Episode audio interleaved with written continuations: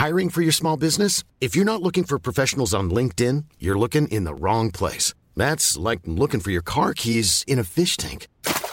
LinkedIn helps you hire professionals you can't find anywhere else, even those who aren't actively searching for a new job but might be open to the perfect role. In a given month, over 70% of LinkedIn users don't even visit other leading job sites. So start looking in the right place. With LinkedIn, you can hire professionals like a professional. Post your free job on linkedin.com slash people today. Ryan Reynolds here from Mint Mobile. With the price of just about everything going up during inflation, we thought we'd bring our prices down. So to help us, we brought in a reverse auctioneer, which is apparently a thing. Mint Mobile unlimited premium wireless. Ready to get 30, 30, bit to get 30, bit to get 20, 20, 20, bit to get 20, 20, bit to get 15, 15, 15, 15 just 15 bucks a month. So, Give it a try at mintmobile.com slash switch. $45 upfront for three months plus taxes and fees. Promo rate for new customers for limited time. Unlimited more than 40 gigabytes per month. Slows. Full terms at mintmobile.com. Burrow is a furniture company known for timeless design and thoughtful construction and free shipping, and that extends to their outdoor collection. Their outdoor furniture is built to withstand the elements, featuring rust-proof stainless steel hardware, weather-ready teak, and quick-dry foam cushions. For Memorial Day, get 15% off your Burrow purchase at burrow.com slash ACAST and up to 25% off outdoor. That's up to 25% off outdoor furniture at burrow.com slash ACAST. Vi är denna vecka sponsrade av Indie Beauty. Och Sofie, det här tycker jag är extra fint och extra roligt.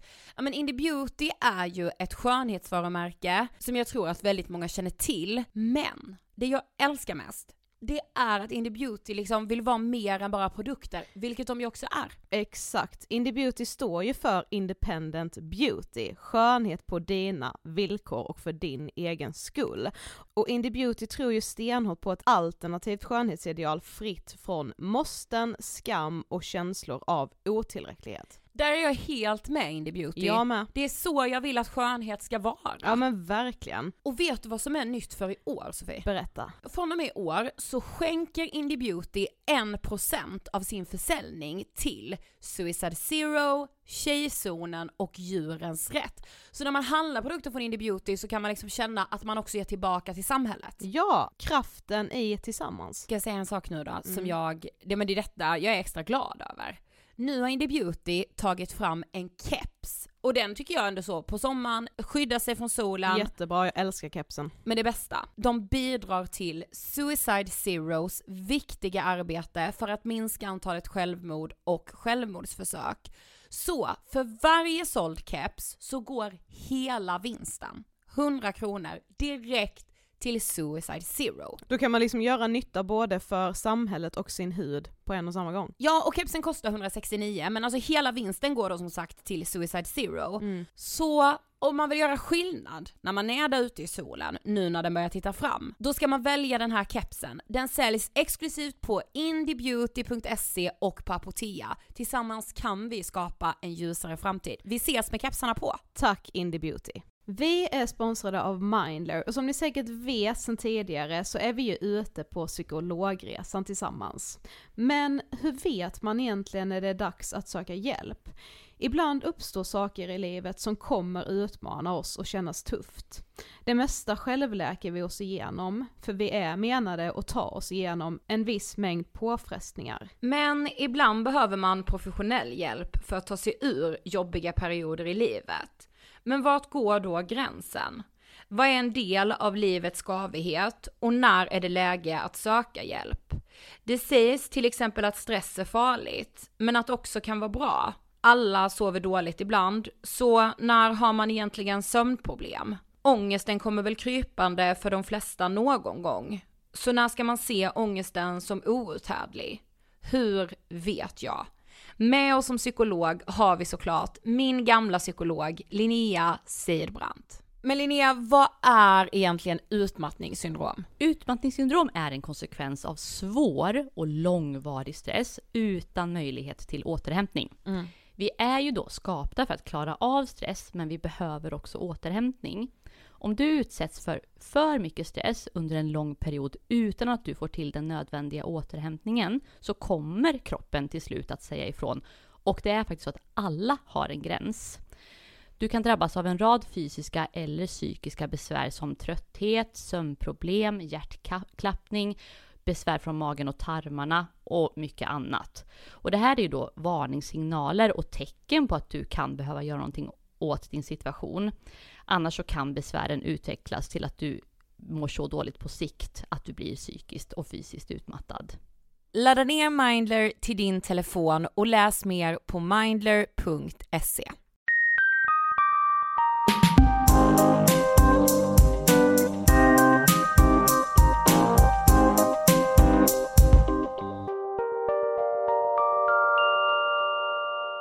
Hej allihopa och stort varmt välkomna till avsnitt 180 av Ångestpodden! Nyss hemkomna från Almedalen. Ja, herregud. Ja men vi hade ju en så fantastisk frukost. Ja det hade vi. Det måste man verkligen säga. Mm. Jag har insett när jag lyssnar på podden, för övrigt en annan input, Mm. att fantastisk är det ord jag överanvänder allra mest i mitt vokabulär. Okej, jag använder så här. Alltså du vet när jag ska förklara någonting så säger jag eh, så här hela tiden. Gör du Ja det gör jag. Aldrig jag stör mig så mycket på det när jag ska klippa podden.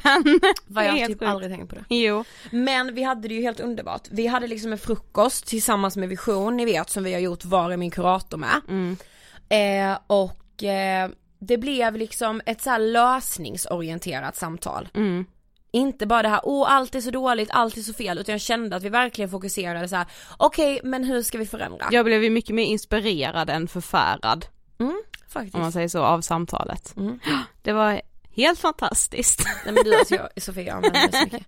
Jag är inte, jag är inte klok. Ja, för övrigt är ju Almedalen väldigt hetsigt och jobbigt så jag är väldigt glad att vi bara var där i dryga dygnet. Ja men jag är så glad för det. ja. Nej men det är inte klokt faktiskt. Och nu är vi tillbaka i Stockholm och har vår sista typ riktiga arbetsdag idag onsdag.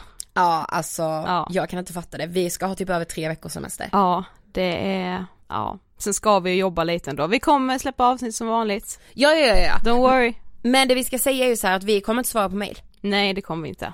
Eh, Och vi kommer kanske vara lite sega på Instagram och, Ja, Insta DM kommer vi ändå ha koll på. ja. Och ni kommer, alltså vi kommer ju liksom så Insta story Mm, under hela mm. skiten höll jag på att säga. Nej men under hela liksom semestern. Ja, men det är ändå semester, vi ska lämna Stockholm och det ska faktiskt bli, alltså det ska bli så jävla skönt.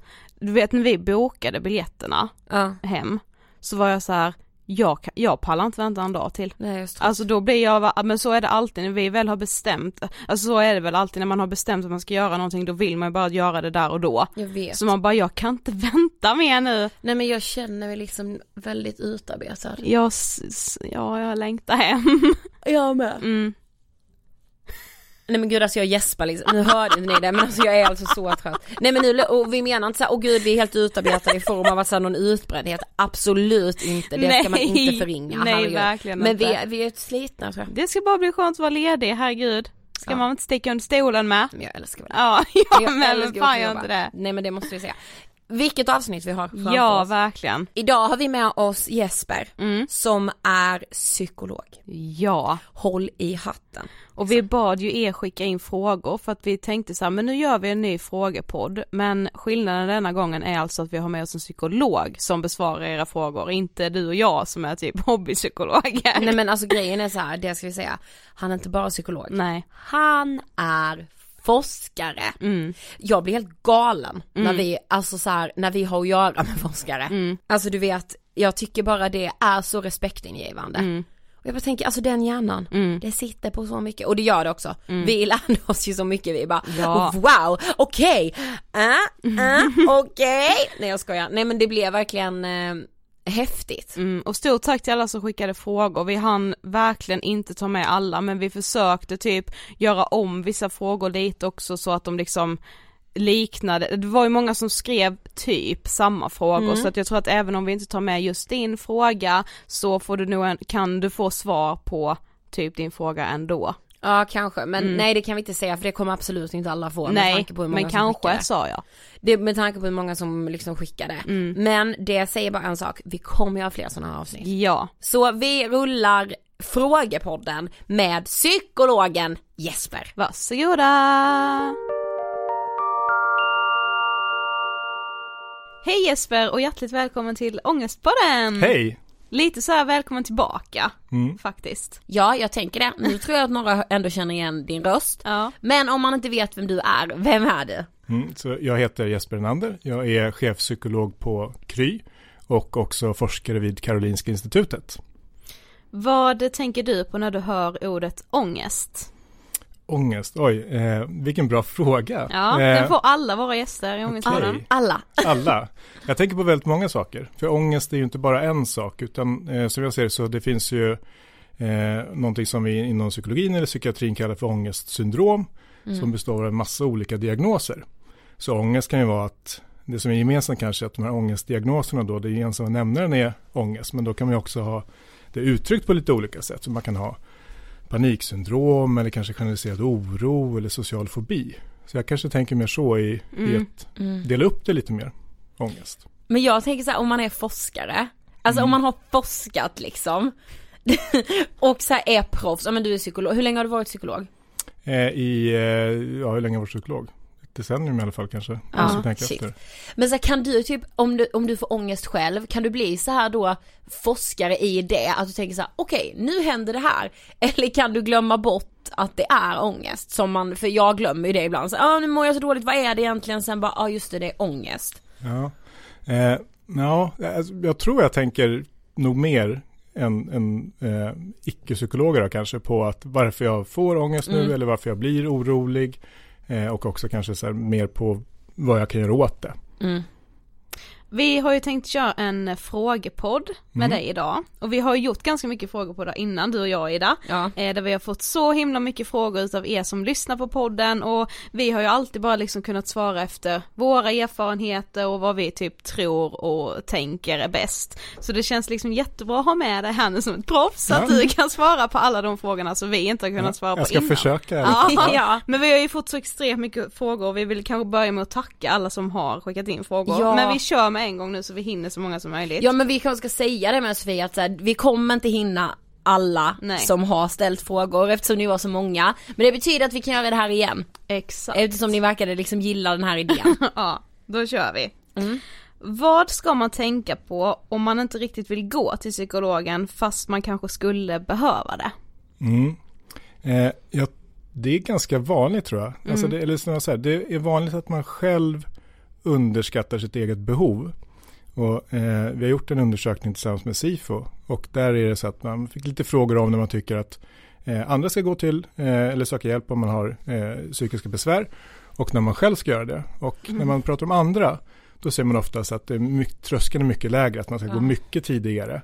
Men när man pratar om sig själv då tycker man att man ska vänta ganska länge innan man söker någon.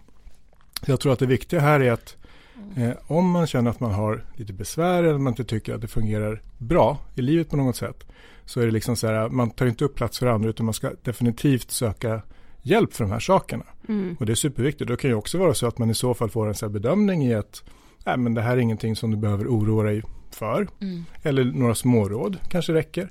Eller att det kanske är faktiskt så här att ja, men det här låter ändå rätt allvarligt. Du behöver lite mer hjälp för de här sakerna. Eh, så tänka på är mer så här att inte eh, liksom undervärdera sina egna behov utan att söka hjälp om man känner det. Mm. Och Och kanske lite tänka mig så här, då när jag hade skickat en kompis, Ja. att man liksom tänker så om sig själv också. Ja. Ja, det är ju precis en Mm. jättebra idé. Vad, skulle jag, vilka rekommendationer skulle jag ge till min kompis Mm. om man hade de här problemen? Men vet man, alltså är trösklarna lika höga, jag tror ju inte det, när det kommer till fysiska besvär. Då känns det som att vi liksom söker hjälp lättare. Ja, och det är, så, här, alltså, det är ju en, det är en vana man har. Så till exempel då att om man skulle jämföra bara med, med somatiska eller kroppsliga sjukdomar. Ja. Då skulle så här, tanken vara så här, ah, jag ska bara söka vård om jag har en allvarlig cancer. För annars så är jag vägen för alla andra som har allvarlig cancer och som behöver vård för sin allvarliga cancer. Men vi söker ju vård för förkylningar, lite liksom eksem, massa saker som man skulle tänka att det här går nog över av sig själv förmodligen. Ja. Mm. Och, eh, men när det kommer till vår egen psykiska hälsa, då oss väldigt länge. Och då såg man också, eh, eller när man tittar på undersökning då, att ungefär 70% av alla svenskar har lidit eller någon gång haft psykiska besvär eller har det. Eh, hälften av dem sökte hjälp för det här och eh, en tredjedel, alltså ungefär 30% väntade med ett, mer än ett år innan man sökte hjälp. Oj. Och det är väldigt länge att gå omkring med någonting som man tycker är liksom så här, det här fungerar Ja. inte bra. Och det vet vi också att ju längre man väntar på att få behandling eller får insatser, desto sämre prognos eller desto sämre utfall av behandlingen i sig har du också. Mm. Så det finns mycket att vinna på att komma, ju tidigare man kommer, desto mindre insatser eller hjälp behöver man förmodligen också innan man är tillbaka på banan igen. Exakt. Så att innan det blir så här, de här symptomen blir mer kroniska och det blir värre och värre och värre. Mm. Eh, så att jag skulle rekommendera alla som att man, om man går i de här tankarna i alla fall, om man börjar tänka det, är liksom, då är det nog dags att söka Mm, också. ja. Det är, det är en bra regel. Mm, Börjar man tänka det, då ska man söka hjälp. Mm. Men gud vad sjukt, ett år. Mm, det skulle man inte gå med en fysisk åkomma. Nej, då, då söker jag direkt. ja men så här, då är det liksom verkligen på ett annat sätt. Okej, men nästa fråga. Då skriver någon så här.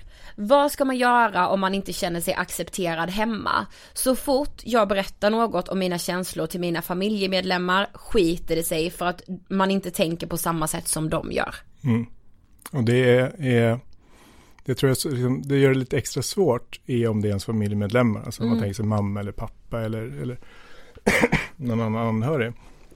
Därför att som förälder, om, om du ska ha ett barn till exempel, om det här rör sig om det, Ja. då är man ju väldigt, dels blir man kanske lite orolig själv och eh, kanske inte vill ta till sig saker, så skulle man kunna reagera.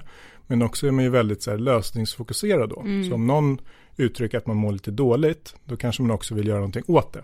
Och så blir fokus mycket mer på att nej men det här ska du inte, eh, gör inte på det här sättet, eller ja, men du borde göra så här istället, då, då blir det mycket bättre. Att man, för man själv blir lite orolig.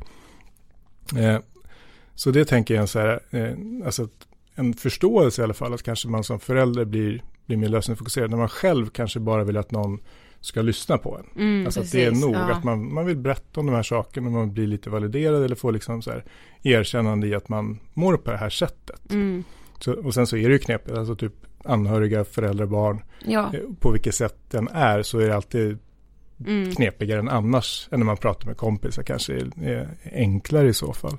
Mm. Men sen också ett, ett, ett mer konkret tips kanske skulle vara att öva på att här, kommunicera jag-budskap. Men det menar man mer hur, hur jag upplever saker. Eh, och så, när jag berättar det här för dig, att jag mår dåligt, jag skulle vilja då är bara att du lyssnade till exempel, eller, eller vad man nu vill ha ut för någonting. Mm. Och inte att man kommer i konflikt med i termer av att säga, men du lyssnar Ja, aldrig, eller du Ja. gör alltid på det här sättet.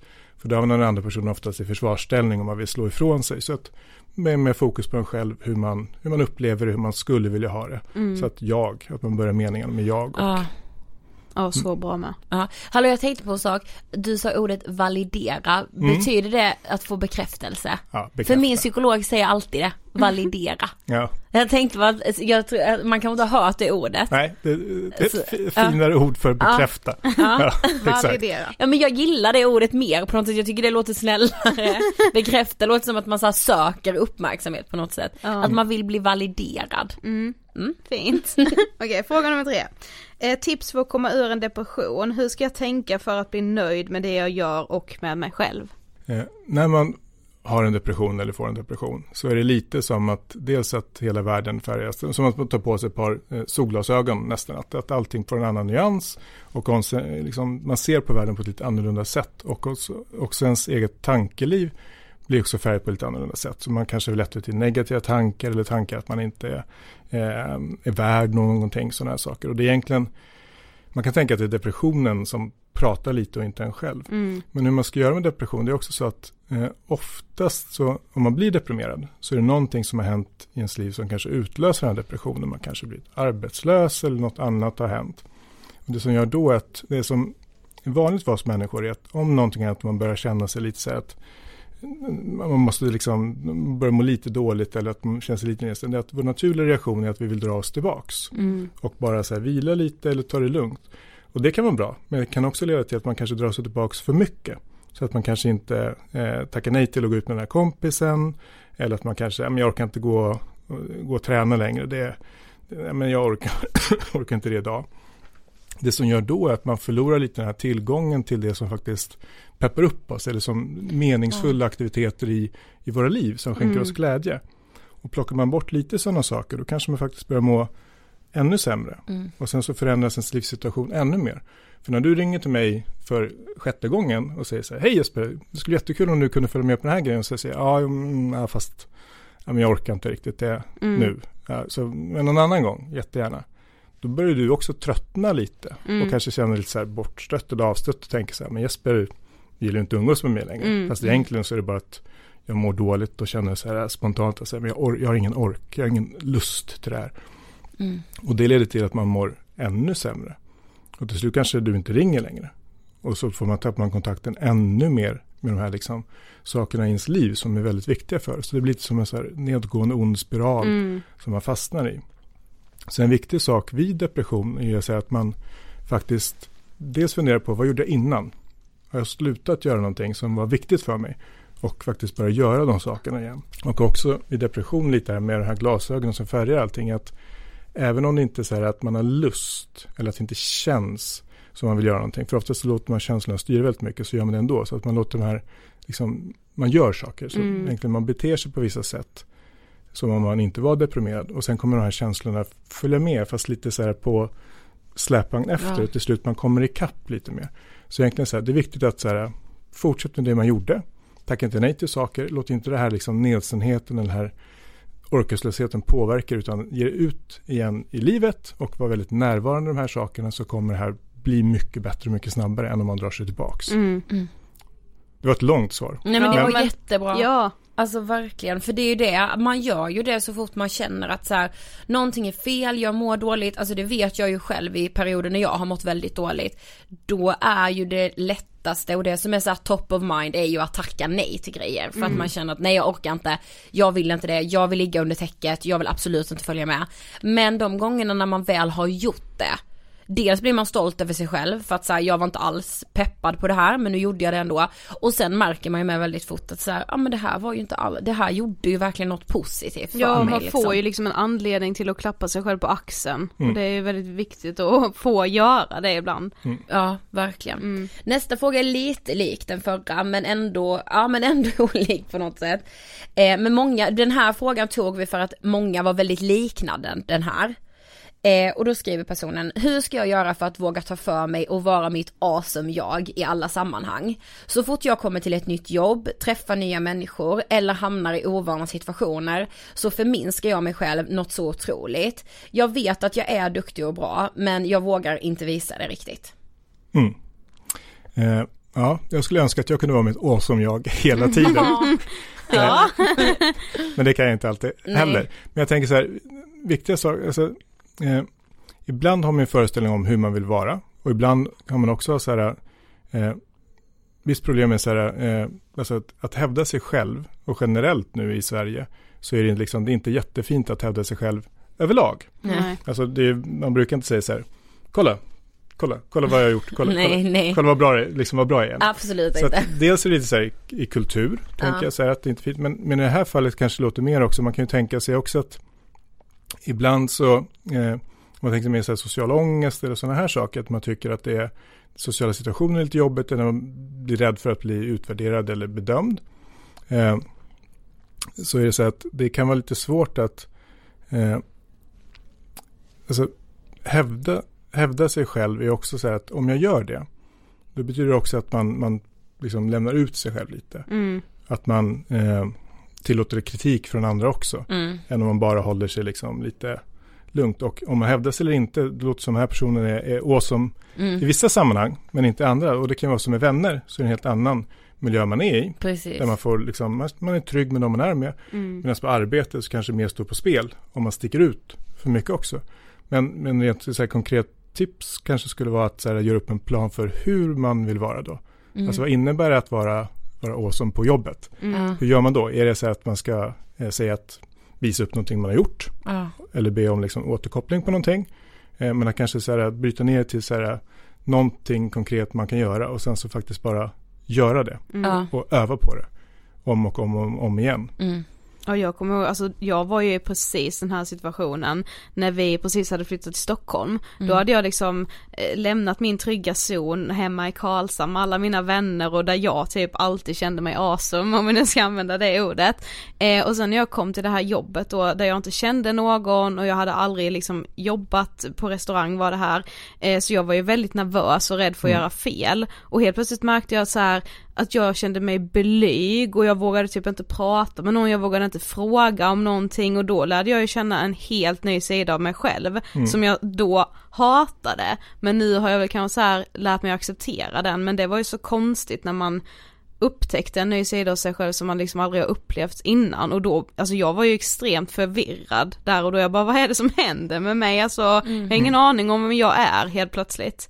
Nej, och det kanske är så lätt att hamna i, alltså den typen av, dels är det en ny miljö mm. och lätt att hamna i den här, den här typen av mönster. Man är ju lite mer försiktig, kanske mm. i början, när man mm. känner nya folk överlag. Precis. Men sen kanske också det att det kanske blir mer en vana också. Att man hamnar i det här, att man, att man blir för tillbakadragen. Mm.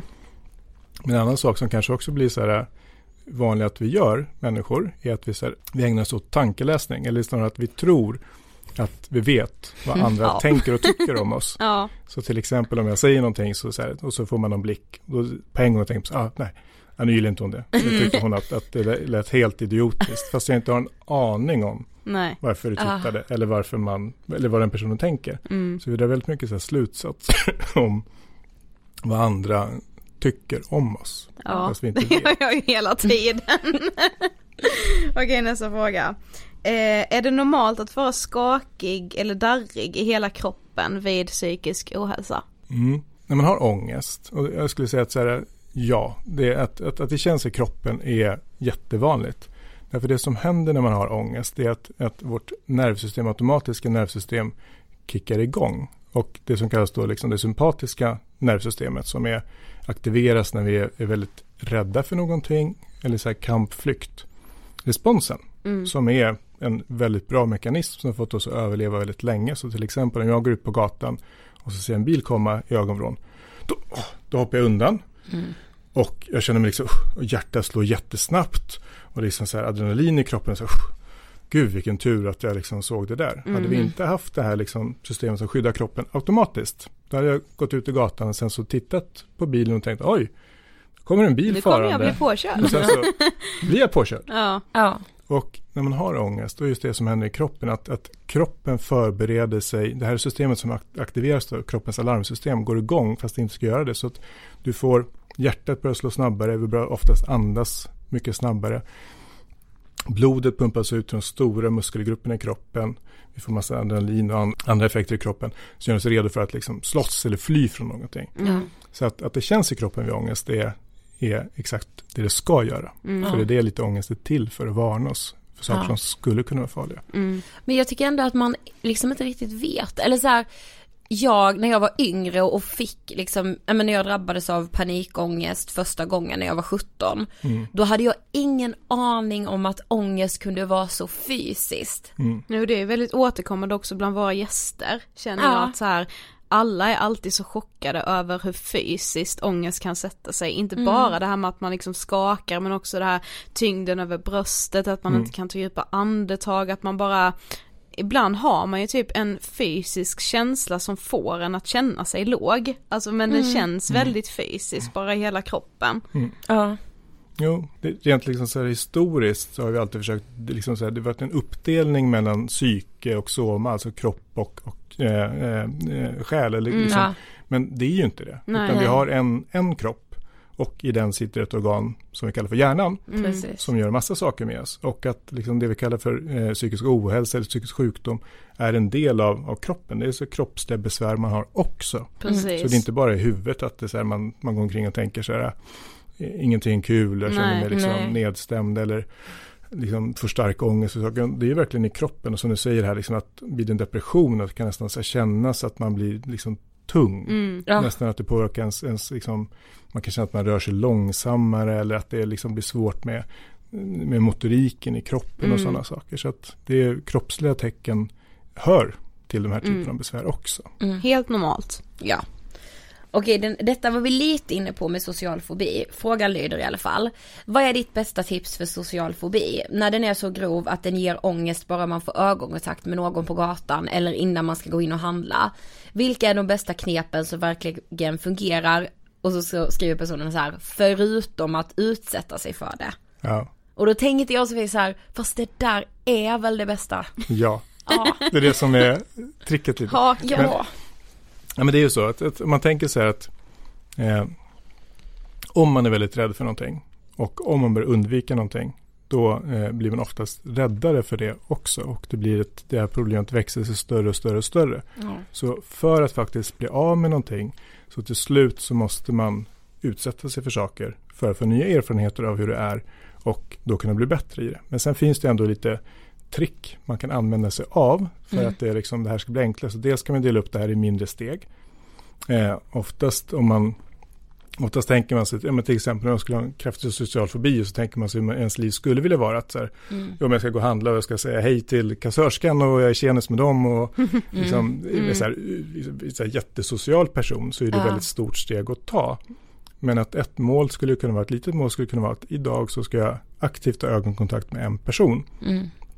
Och försöka stanna kvar och hålla blicken där och se lite hur, hur det blev. Men det är Mm. också så här att det man ofta gör sen eh, vid social fobi bland annat, det är ju mycket av det här liksom att efter man gjort någonting så tänker man på så här, men, men, men okej, nu tittar jag på, på kassörskan när jag betalar här och jag såg ju hon tittar på mig tillbaka så hon tycker att jag var helt knäpp och var, Ja. betedde mig jättekonstigt. Ja, Man tänker så mycket efterhand på situationen. precis. Och det är ingen bra idé. Och då är det mycket bättre på att försöka skifta fokus till någonting annat utåt. Och också vid social fobi att man är väldigt liksom så här, centrerad på sig själv. Alltså hur jag beter mig, vad jag säger. Och ett sätt då att göra det enklare är att så här, återigen så här, försöka skifta fokus på andra personer. Och inte så mycket om hur de, vad de tänker om mig. Utan mer så här hur, ja men jag kan titta på dig när du sitter här, du har gula kläder. En jättefin gul tröja på dig. Och jag kan tänka på sådana saker. Att Ja, du har vita kläder, okej, och hur ser din frisyr ut? Man gör bara så här, ja. försöker beskriva det lite för sig själv. Jag tänker typ att man får, eller det har i alla fall jag fått öva på att så stoppa den här liksom överanalysen typ. Alltså Mm. det känns som att jag kan överanalysera saker väldigt snabbt Ja. och väldigt ofta. Mm. Och att man typ får öva på att bryta den tanken. Mm. Och sen också eh, öva på att märka att man börjar göra det. Mm. För det har jag fått göra jättemycket. I just så här, åh mina tankemönster och så här, ja men när jag har haft problem att jag har varit så rädd för att kräkas exempelvis. Då kan det ju kicka igång för mig och sen kan jag ju efter två timmar märka att så här, nu har jag gått i två timmar och tänkt så här, det, där, det jag åt på lunchen kommer göra mig matförgiftad och då kommer jag behöva kräka, då kommer jag behöva ställa in det imorgon. Och sådär, alltså då har jag ju fått lära mig att så här, märka direkt att, ja nu är jag igång, nu är jag igång, då måste jag göra någonting annat nu, för annars kommer det här ta upp mitt tankemönster. Nu sätter jag på den här tv-serien, som jag älskar, så kan jag fokusera på det istället. Och så här, det är ju jättesvårt, Mm. men man får öva. Men det är jättebra att du tar upp det. Jag tänker just det här liksom att bara vara uppmärksam på att ah, nu gör jag det här. Mm. Och det här är nog inte så bra för mig. För jag vet hur det blir, då fortsätter jag bara oroa mig. Mm. Och sen försöka bryta det fokuset. Och det är ju som du säger, det är ju inte det så här, okej, nu ska tänka på något annat. Det är Nej. inte så det funkar. Nej. Man måste verkligen så aktivt försöka liksom så här, nu gör jag, kollar den här tv-serien, sätter Ja. på musiken som jag gillar. Ja. Eh, alltså hitta de här tricksen själv som funkar bra för en själv, att bryta det här. Mm, precis. Eh, vad ska jag göra om jag gråter väldigt ofta och får ångestattacker? Mm. Så det är ju helt okej att gråta. Det kan vara ganska liksom skönt ibland att få göra det också. Mm. Och ångestattacker då eh,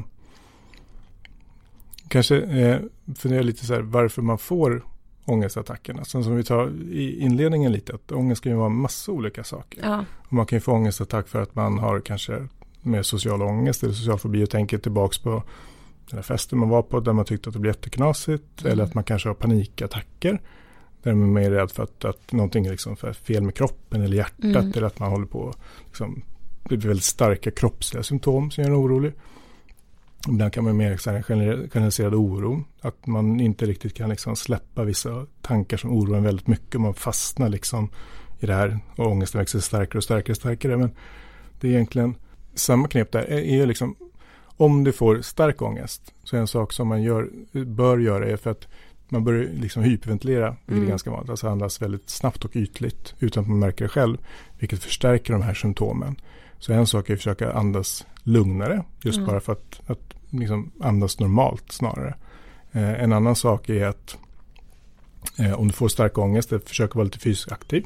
Du kan bara hoppa upp och ner på stället. För Mm. det kroppen är förberedd på är ju att faktiskt agera och göra någonting. Ja. Och om du bränner loss lite av den energin så kan det bli enklare också. Eh, och en annan sak är också kanske att, att faktiskt bryta det man håller på med. Så istället då för att man sitter där och eh, liksom mår väldigt dåligt att försöka ta sig upp och kanske gå ut och alltså, ta en kort promenad eller sätta sig och titta på lite tv eller ringa till en kompis. Alltså bryta det här liksom sammanhanget man är i just nu. Mm. så Ja. att man inte fastnar i det. Okej, jag kom en eh, väldigt lång men viktig fråga och det var väldigt många som skrev, alltså typ den här frågan Ja. och jag tror det är väldigt vanligt att många tänker så här. Jag lider av depression som jag fick diagnostiserat för tre år sedan. Det har troligen pågått längre än det.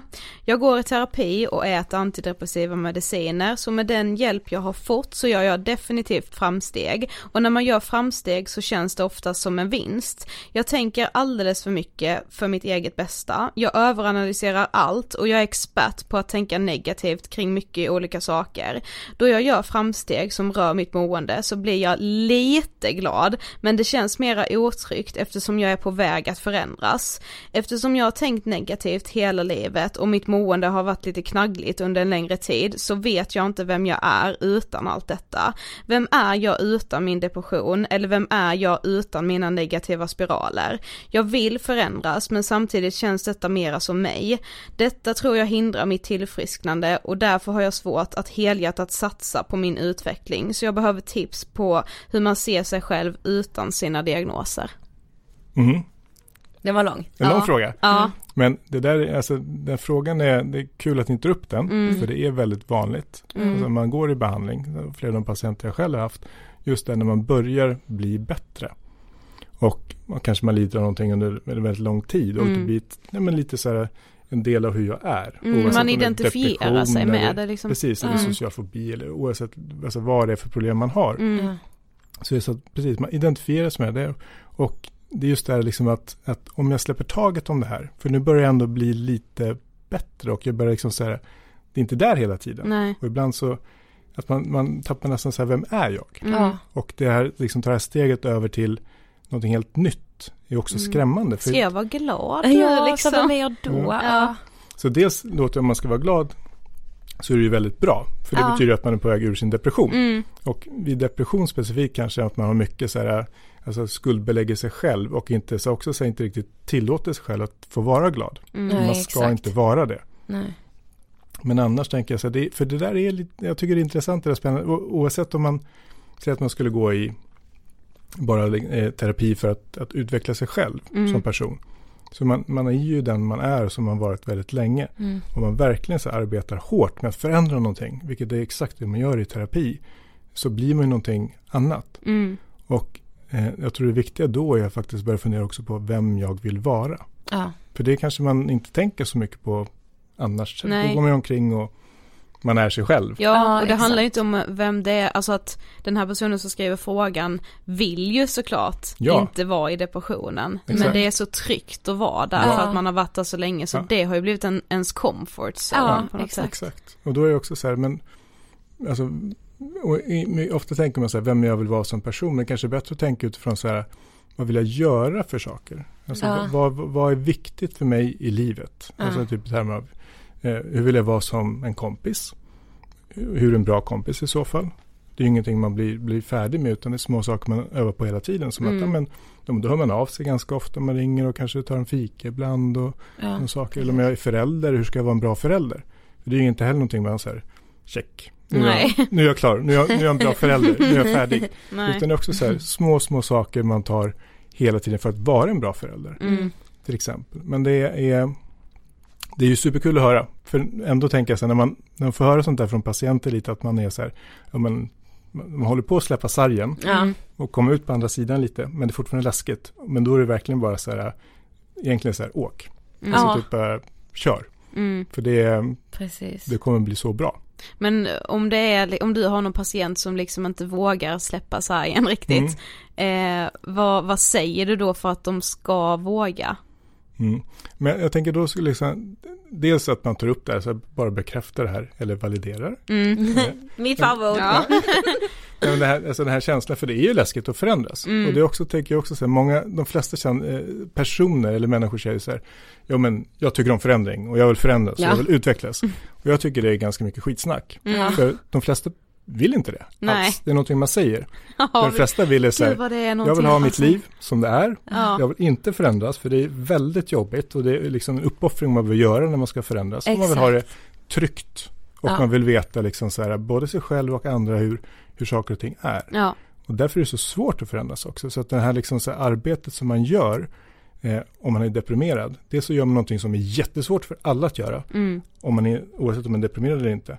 Så det gör man dessutom när man är deprimerad. Och när det är ännu svårare att göra en förändring. Mm. Så det är så här oerhört starkt att liksom lyckas med det som så få gör. Vilket är att så här, en stor genomgripande förändring av sitt liv. Mm. Ja, så det tycker jag är så här, liksom så här, dels att så här, peppa den grejen. Mm. För den är verkligen så här, det är verkligen fint mm, när det man gör det. Ja. Eh, men sen också att, att fundera på så här, men bra, hur vill jag vara? Mm. Vad, vad, är liksom, vad är viktigt? Mm. Hur vill jag vara som person? Och hur ska jag vara då? Mm. Och det kan alla gärna fundera ja, på. Det ja, precis. Det, det jag bara sitter här direkt och funderar. ja, nej men jag, jag tror det med. Ja. Att alla borde liksom göra det. Mm. Ja, så intressant. Mm. Men det var en som skrev så här, jag undrar om det är okej okay att träffa en psykolog och bara prata generellt om sitt liv, även om man inte har no någon tyngre problematik, utan mer lättare ångest och relationsproblem. Ja, Mm. Men återigen, det vi pratade om lite tidigare också, att man gärna undervärderar sitt eget ja. behov när det mm. kommer till den här typen av frågor. Och eh, det, det, är klart man ska kunna göra det. Och har man alltså, lättare ångest, alltså, de flesta har inte ångest jätteofta i sitt liv. Nej. Man kan aldrig bli helt ångestfri, för det är en, som sagt en del av vår kropp och mm, hur det ja, fungerar. Precis. Men um, det är klart man ska göra det, ja. självklart. Eh, hur blir jag av med den konstanta oron jag känner? Den där är knepig, mm. tycker jag. För det är så att, att om utgångspunkten är att, så att, för man vill ju ofta bli av med någonting, alltså den konstanta oron, då förstår jag att, att det är väldigt jobbigt och mm. att man känner det hela tiden. Vi kan ju aldrig bli helt av med oro, eller att Nej. vara oroliga.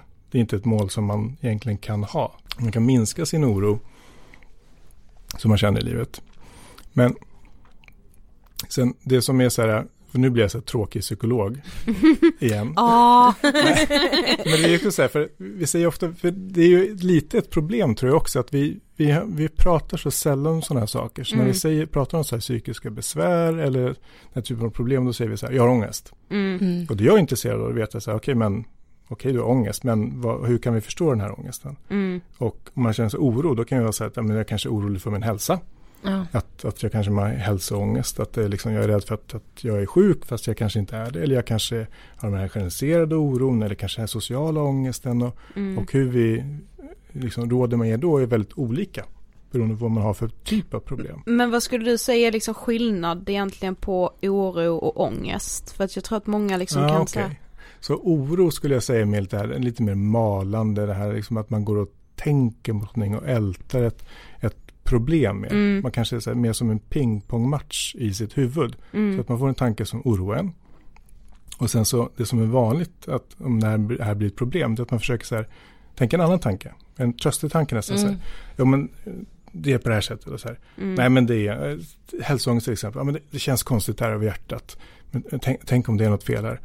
Ja fast nej men det är det ju inte. Det, det, det här, så här känner jag ibland. Jo, jo men, men, mm. tänk om det är ja. ändå. För så här har det inte känts tidigare. Nej, men, men alltså, det blir så här, det är fram och tillbaka i mm, huvudet hela ja. tiden med tankar som är lite skrämmande.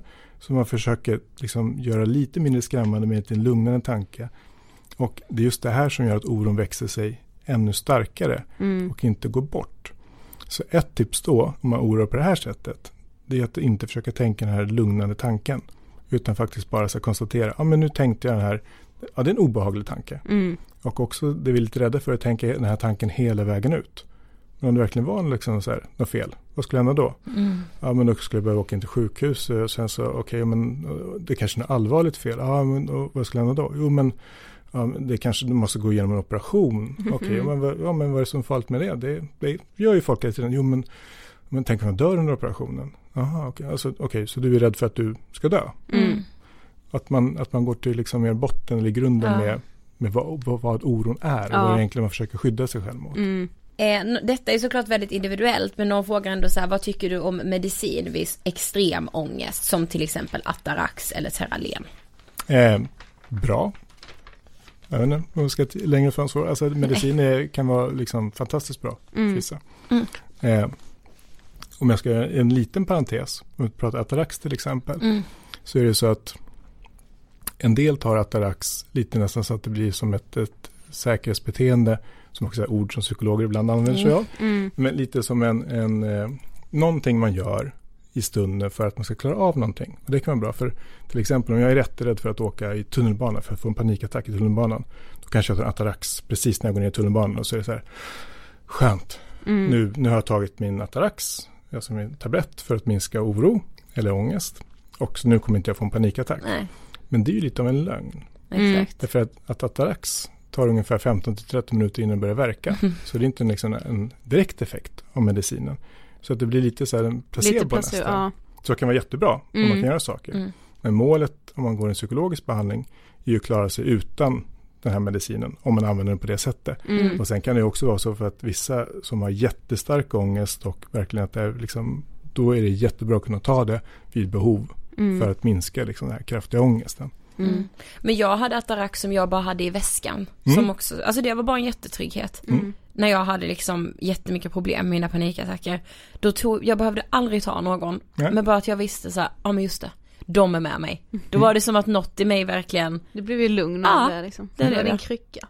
ja det var Och det är min väl krycka. superbra. Mm. Men planen är ju att klara sig utan dem Precis. till slut. Mm. Det gör jag idag. Ja, Ja, fantastiskt. det går. Det går. Eh, tips på bättre sömn. Mm. Eh, så att ha sömnproblem är väldigt vanligt. Mm, det har vi väldigt många också som har. förstått. Det Ja. var väldigt många som alltså, skrev sömnproblemsfrågor. Ja. Just det. Och då kan man tänka sig att det finns lite olika anledningar till att man sover dåligt. Ibland sover man ju bara dåligt för att, att det, är liksom, det är stressigt på jobbet eller man har barn Mm. som Ja. att man inte kan få sova. Men också så att lite yttre eh, faktorer som kan påverka ens sömn. Eh, men sen finns det också lite mer saker som har med en själv att göra. Till exempel kan man vara väldigt orolig för sin sömn. Eh, att man är så här, kanske tankar om att här, om inte jag får sova mina åtta timmar, då kommer jag inte fungera. Eller jag måste sova åtta timmar, annars så går det inte. Eller att man ligger där i sängen och så här, börjar bli stressad över att jag inte kan somna. Mm. Och det i sig liksom stressar upp mig, Ah. vilket gör det ännu svårare att sova. Mm. Eh, så dels funderar jag lite på så här, vilken typ av, av sömnproblem man har. Ja. Eh, och om det är liksom i perioder, om det är stressigt på jobbet en viss tid, då, kan man, då vet man det. Mm. Ja. Man kanske precis. kommer sova bättre nu. Men annars är det några så här råd man brukar ge, det man brukar kalla för sömnhygien. Och det är att så här, eh, det ska vara svalt i rummet man sover i. Du ska inte dricka eh, koffein eller dricka kaffe eh, eller eh, svart te precis innan du ska gå och lägga dig eller liksom ett par timmar innan. Eh, alkohol är en del som dricker för att kunna liksom så här lugna ner och sova, vilket är ju generellt en ganska dålig idé för då Mm. blir sömnen faktiskt sämre. Mm. Eh, en annan sak är också att, att sängen bara ska användas för att sova i. Så att man Mm. förknippar den med sömn. Så eh, inte att man ligger och surfar eller kollar telefonen för mycket i sängen. Vilket jag själv är skyldig till.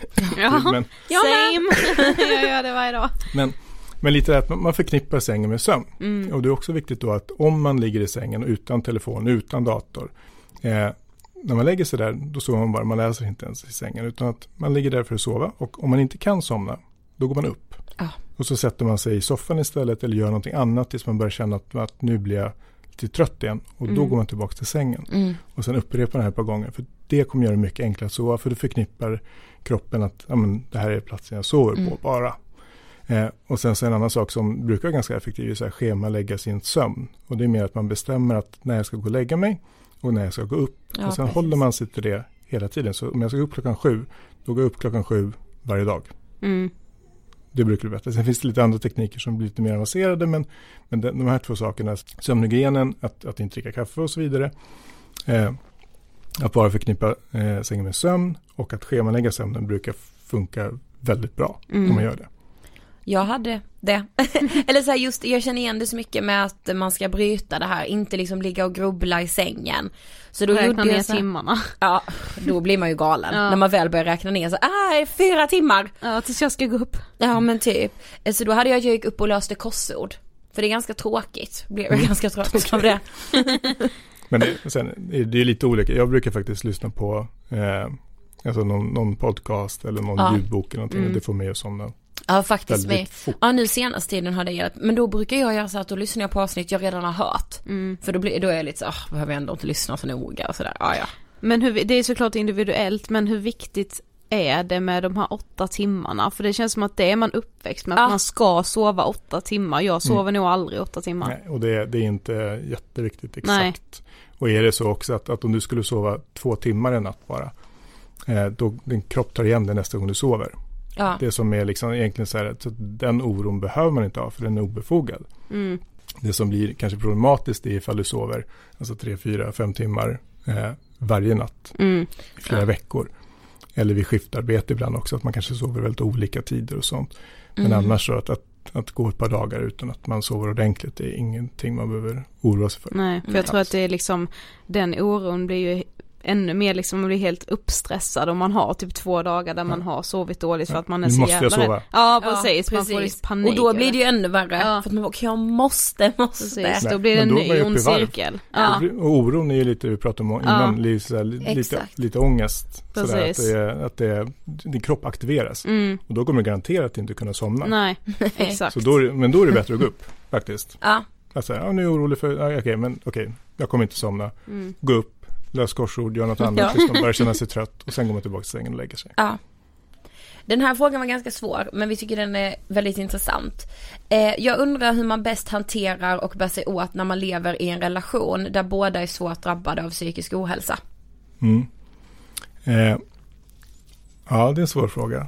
Och jag tänker så här, att leva i en relation, oavsett om man har psykisk ohälsa eller inte, kan vara svårt ibland. ja. Mm. Eh, så det är så här, kan vara grund, grundförutsättningarna är inte, inte alltid bra i ett förhållande. Men Nej.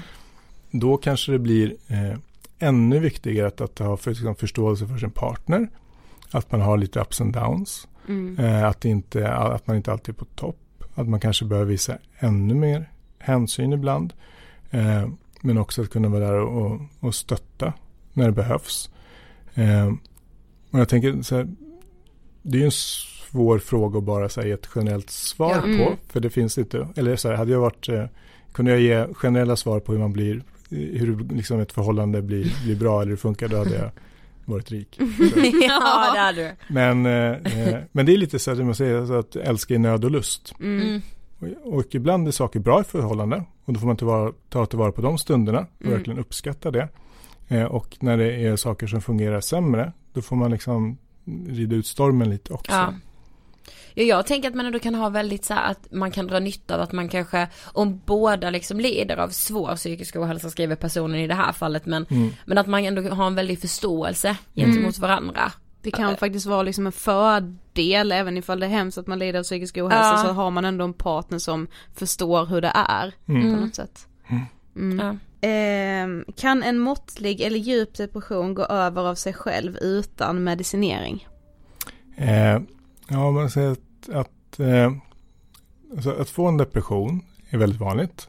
Om Man ungefär uppskattar ungefär 20% av alla kvinnor Mm. i Sverige får en depression någon gång i sitt liv och 10% av männen får en depression någon gång i sitt liv. Eh, en depression sitter vanligtvis i 3-6 månader. Eh, sen går den över. Eh, och man får oftast inte en, en till depression i sitt liv. Så det vanligaste är att man har en episod eller en depression. Mm. Ja. Och sen så, så milda till måttliga depressioner kan definitivt gå över av sig själv. Eh, utan medicinering. Eh, när det kommer till milda till måttliga depressioner så också den behandling som man ska ge först. Som rekommenderas av riktlinjer och sådär som vi har i Sverige. Från Socialstyrelsen bland annat. Det är eh, kognitiv beteendeterapi. Mm. Anpassad för depression. Eh, och medicinering är andrahandsval där. Så att man behöver definitivt inte ta medicin för att bli bättre på sin första depression. Eh, vid svårare depressioner eller djupare depressioner och då kanske mer att man verkligen är kraftigt påverkad. Man har svårt att fungera själv överhuvudtaget. Eh, man kanske har självmordstankar. Eh, och, svår depression då är mer att, att, som jag tänker på när jag hör ordet svår depression, är mer att man kanske behöver bli inlagd Mm. ibland. Alltså vara på en, en avdelning. Mm. För man har svårt att fungera själv. Man behöver definitivt oftast medicinering. För att kunna liksom lyfta sig ur det här depressionsdjupet. Mm. Ibland kan man behöva ECT eller elbehandling för att ta Ja. sig ur det här också. Så det beror ju helt på. Men, men mildare till måttliga depressioner behöver man inte medicineras för. Ja. Jag minns inte frågan. faktiskt. Ja, där var i alla fall en eh, Om det går måttlig över- eller över av sig själv. Ja, det, så det långa svaret är att milda till måttliga depressioner kan gå över av sig själv utan Mm, att man gör ja. någonting. Svåra depressioner så tänker jag då behöver man definitivt hjälp. Mm. Ja.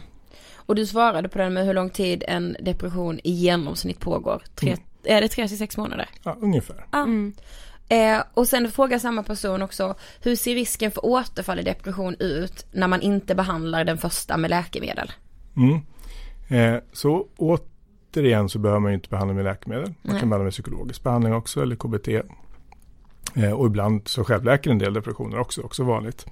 Eh, och det absolut vanligaste är att man bara har en depression. Att man inte får återkommande. Mm. Men om det är så att man får återkommande depressioner, så har haft din första och sen blir det bättre och sen så får en depression igen. Då är det definitivt så, då är det riktlinjen, rekommendationen, då är att man faktiskt medicinerar för det här. Mm. Och att man fortsätter medicinera också i lite så förebyggande syfte. Så det som är ganska vanligt är att man kanske haft ett par depressioner, medicinerar för det och sen så känner sig bättre och sen så bestämmer sig för att nu vill jag inte ha medicin längre. Och så sätter man ut den eh, och sen så återfaller man igen. Så det är Ja. lite syftet med att, att faktiskt om saker fungerar bra då bör man stå kvar på sin, på sin medicinering. Mm. För det förhindrar lite nya depressioner också. Det blir jag väldigt trygg när du säger faktiskt. För det känns som att det finns en hets över att, ja ah, men så fort du mår bättre så sluta med det, för det ska man inte ha. Mm. Eh, och så det är lite, lite dåligt ändå att fortfarande vara beroende av en medicin. Mm. Men, Ja. ja. men jag tror också så här att, att det är nog ganska typiskt, alltså eh, typiskt, men i Sverige i alla fall att eh, vi har lite av ett så här förakt för, för svaghet eller det som är Mm, annorlunda precis, i. Sverige. Mm. Eh, vi tycker inte om saker som sticker ut.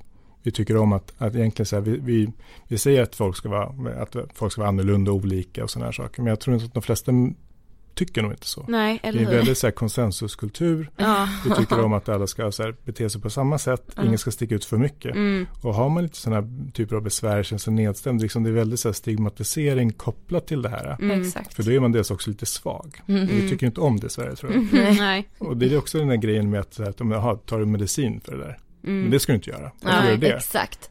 Vilket Ja. är ju ett jättekorkat råd att ge till någon. Om, om du har en medicin som fungerar väldigt bra, Ja, det är precis. klart du ska använda den. Mm. Ja. Det ja, För jag, jag fick, eller jag blev liksom frisk från min depression i mars i år. Men jag har fortsatt min medicin och jag kände så här, ja.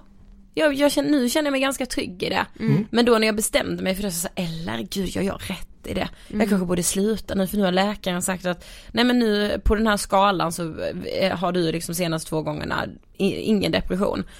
Ja okej, ja. Ja jag tycker du ska fortsätta som med läkare och jag tänkte nej, gud ska jag det? Skäms nästan lite för att göra det. Sen bestämde jag ändå att jag skulle det. Så nu blev jag väldigt trygg när du sa det. Mm. Nej, men det- Ännu det, en det som är lite, men, det- Ja, ja men precis. skulle, skulle du tänka så om du hade diabetes och du tog insulin? Ja, Nej. Att det räcker nu. Att du, nu, Precis. nu, nu är mina värden bra, Ja. nu tänker inte jag ta insulinet mer. Nu, Eller hur? nu, nu kör jag på det här. Det skulle man aldrig Nej. göra. Och ingen skulle väl tycka att du var dum för att du tog insulin Nej. för din diabetes. D- Tvärtom. Ja. Så skulle man tycka att jag var dum om jag inte gjorde det. Ja, Och det är samma sak där. Jag tänker om man har en, en depression eller att man, man har medicin som, man, som fungerar Mm. bra för en. Mm. Varför skulle du sluta ta den i så fall? Mm, det är precis. faktiskt kanske den som gör att du mår bra Ja, nu precis. Och som kanske förhindrar att du, att du faktiskt trillar dit igen. Mm.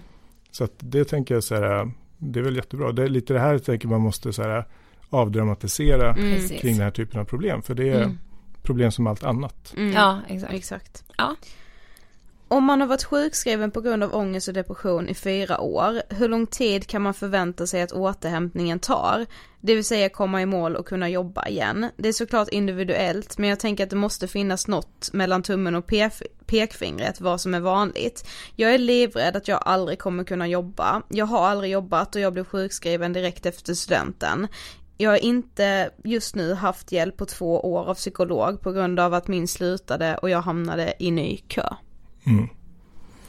Eh, mellan tummen och pekfingret, mm. sex månader till två år. Nej, men det, det, är som, det är som personen säger, att det, det är väldigt svårt att säga någonting. Mm. Eh, men jag tänker så här, det som eh, det låter ju lite trist att, att inte träffat någon, någon psykolog på två år och ja. på en väntelista däremot. Mm, det mm. låter ju inte helt spontant helt okej. Okay. Nej, så verkligen det inte. inte vara. Nej. Nej.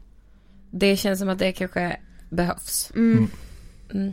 Men, men, det ska, men för alltså att, att får man rätt behandling och, och den, den fungerar bra för en, mm. oavsett om det, om det är mediciner eller psykologisk behandling man får, eh, då kan man komma tillbaka på banan ganska snabbt ändå. Mm. Man säger. Mm. Alltså det är liksom, eh, blir man av med problem eller känner att liksom så här, men man får nya strategier eller de här sakerna börjar fungera bättre, då kan man ju återkomma ganska snabbt. Mm. Man får, ja. får rätt hjälp. Mm. Så att det, man behöver inte att det kan man ju säga, för att man är inte dömd till ett liv i arbetslöshet Nej, eller att precis. inte kunna jobba. Nej, utan att, att, fortsätta liksom så här, kämpa och kanske börja kräva saker också. Mm. Ja, exakt. Ja, exakt. Ja. Okej, nu har vi kommit till sista lyssnarfrågan. Som lyder, hur hanterar man dödsångest? Oj. Eh, vilken spännande fråga. Mm. Mm. Eh, och dödsångest kan ju vara lite olika saker också. Ibland är man ju bara, jag tänker så här att återigen man kanske har lite mer hälsoångest och mm. rädd att dö för sådana saker. Men om vi pratar mer så här existentiell dödsångest, alltså att man är rädd för att ens liv kommer att sluta någon mm. gång. Så det är ju liksom, det är en stor fråga för, alltså för oss människor. De flesta tänker inte på det här. Men att eh, det är vanligt med dödsångest. Och man kan se det till och med på, på barn i vissa åldrar. Att man börjar liksom så upptäcka lite, eller för så här, man kan fråga föräldrarna. Min son gjorde det själv, jag minns inte, jag minns inte exakt hur gammal han var nu. Men ganska ung, alltså typ en sju, sex, sju år. Mm.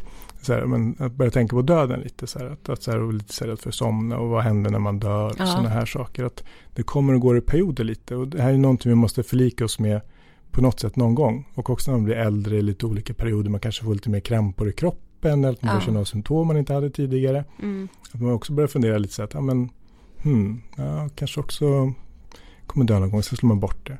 Mm. Eller när ens, om man blir ännu äldre och ens kanske morföräldrar eller farmor dör och sen så dör dina föräldrar. Mm. Då är det så här, då är du kvar sist nu. Det är liksom, det finns inget... Usch, det vill jag typ inte ens höra. Nej, men ingen, ja. annan, ingen, ingen annat skydd nu. För Nej. nu är du näst på tur. Ja. ja, precis. Så att i olika perioder så kommer vi alltid liksom så här, möta döden. Mm. Eller titta, liksom stirra döden i vita ögat. Mm. I perioder. Men det här tanken, och lite så här, dödsångest också är så här att vi har ett språk. Vi kan tänka in i framtiden, vi kan förstå de här abstrakta begreppen lite också. Mm. Så även om vi inte tänker på döden så finns det ju där. Och det, den obehagliga tanken är ju så att vi kommer att dö. Och det är ett mm. faktum. Det kommer vi att göra. Mm.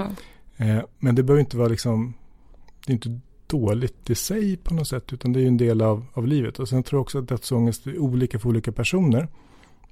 Dels om man skjuter ifrån sig det, kanske blir jobbigt.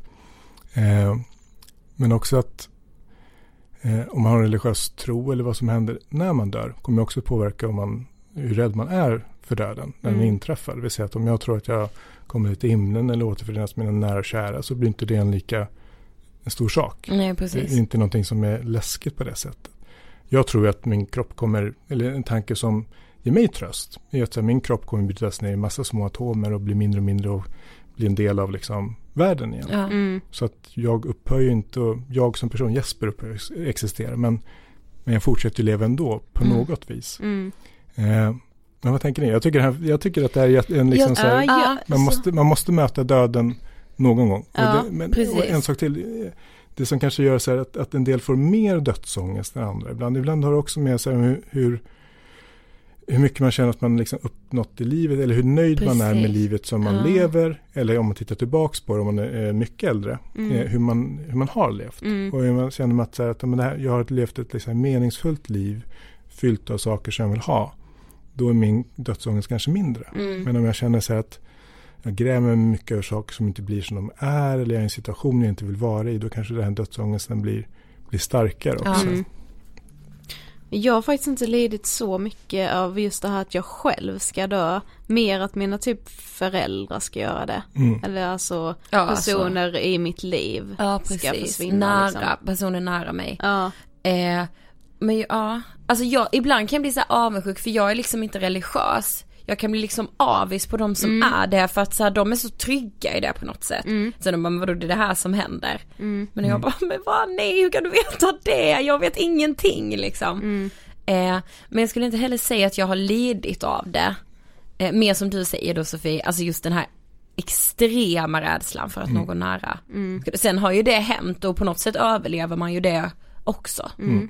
Sen klart att jag kan eh, känna lite den här stressen som jag tror att många kanske i vår generation gör just Mm. att man så här, man känner sig lite stressad över att tänk så blir inte livet så som jag har tänkt mig. Att Nej. man liksom ska bli Mm. då misslyckad eller att man ska misslyckas med livet Ja. på något sätt. Att man ligger där på dödsbädden och ser tillbaka på någonting som man inte är alls stolt över. Mm. Det kan jag väl ha lite ångest över. Men jag tror faktiskt inte, jag tror jag kommer vara rätt nöjd.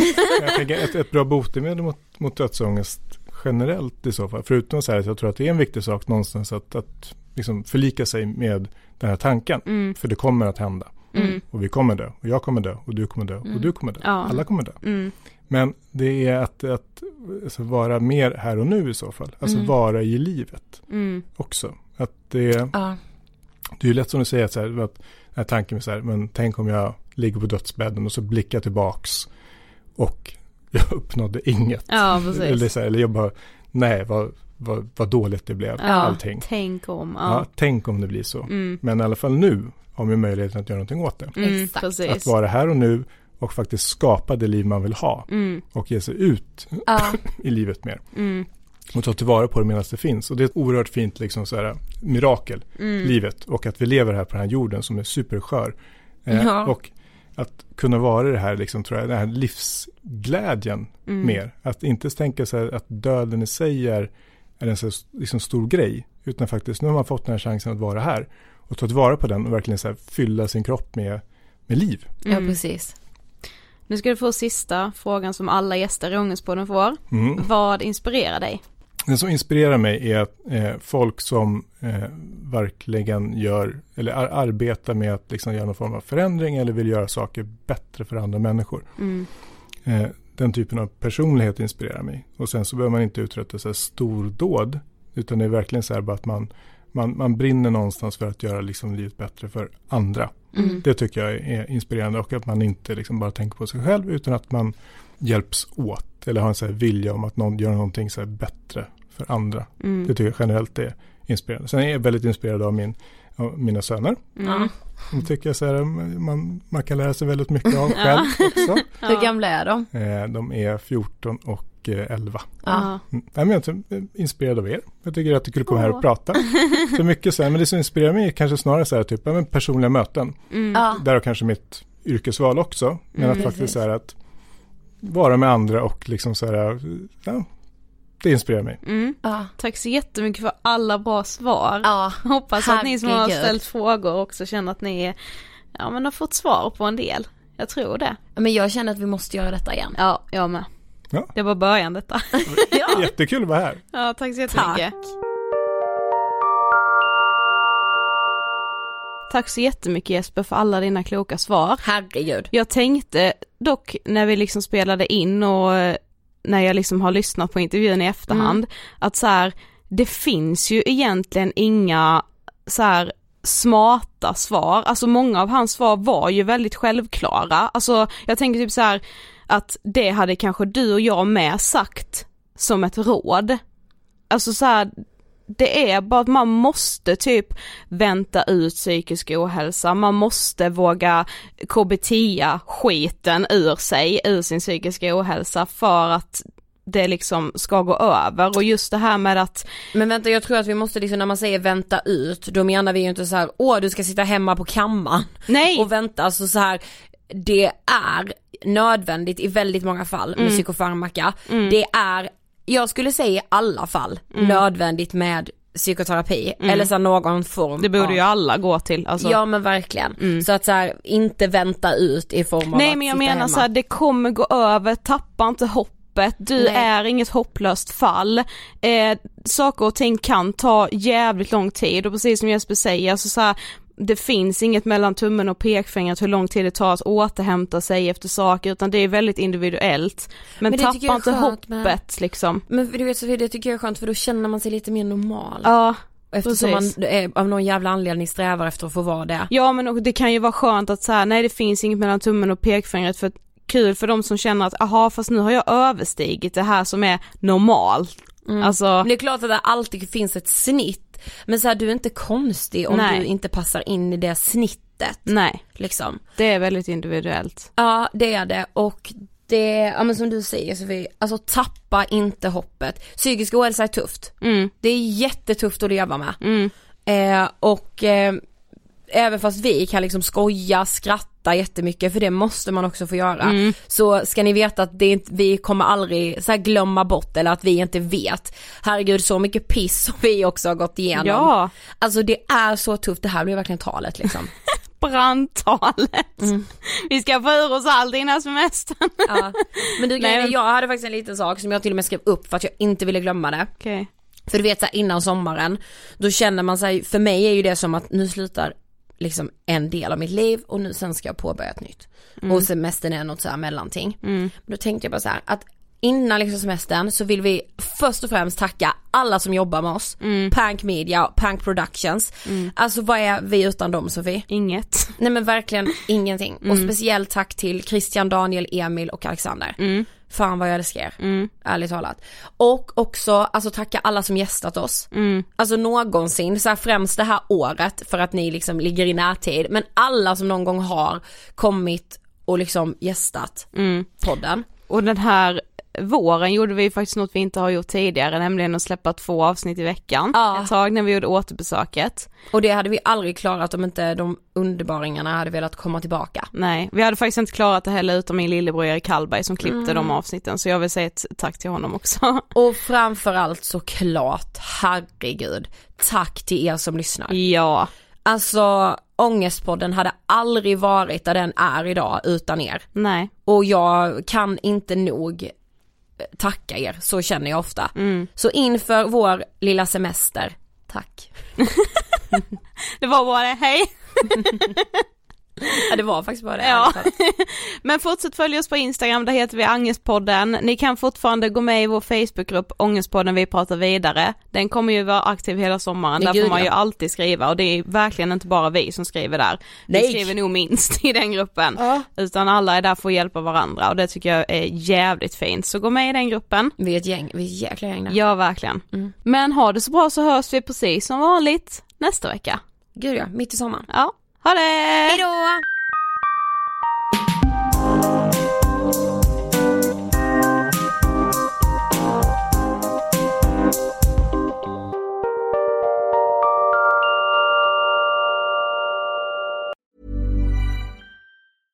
Planning for your next trip?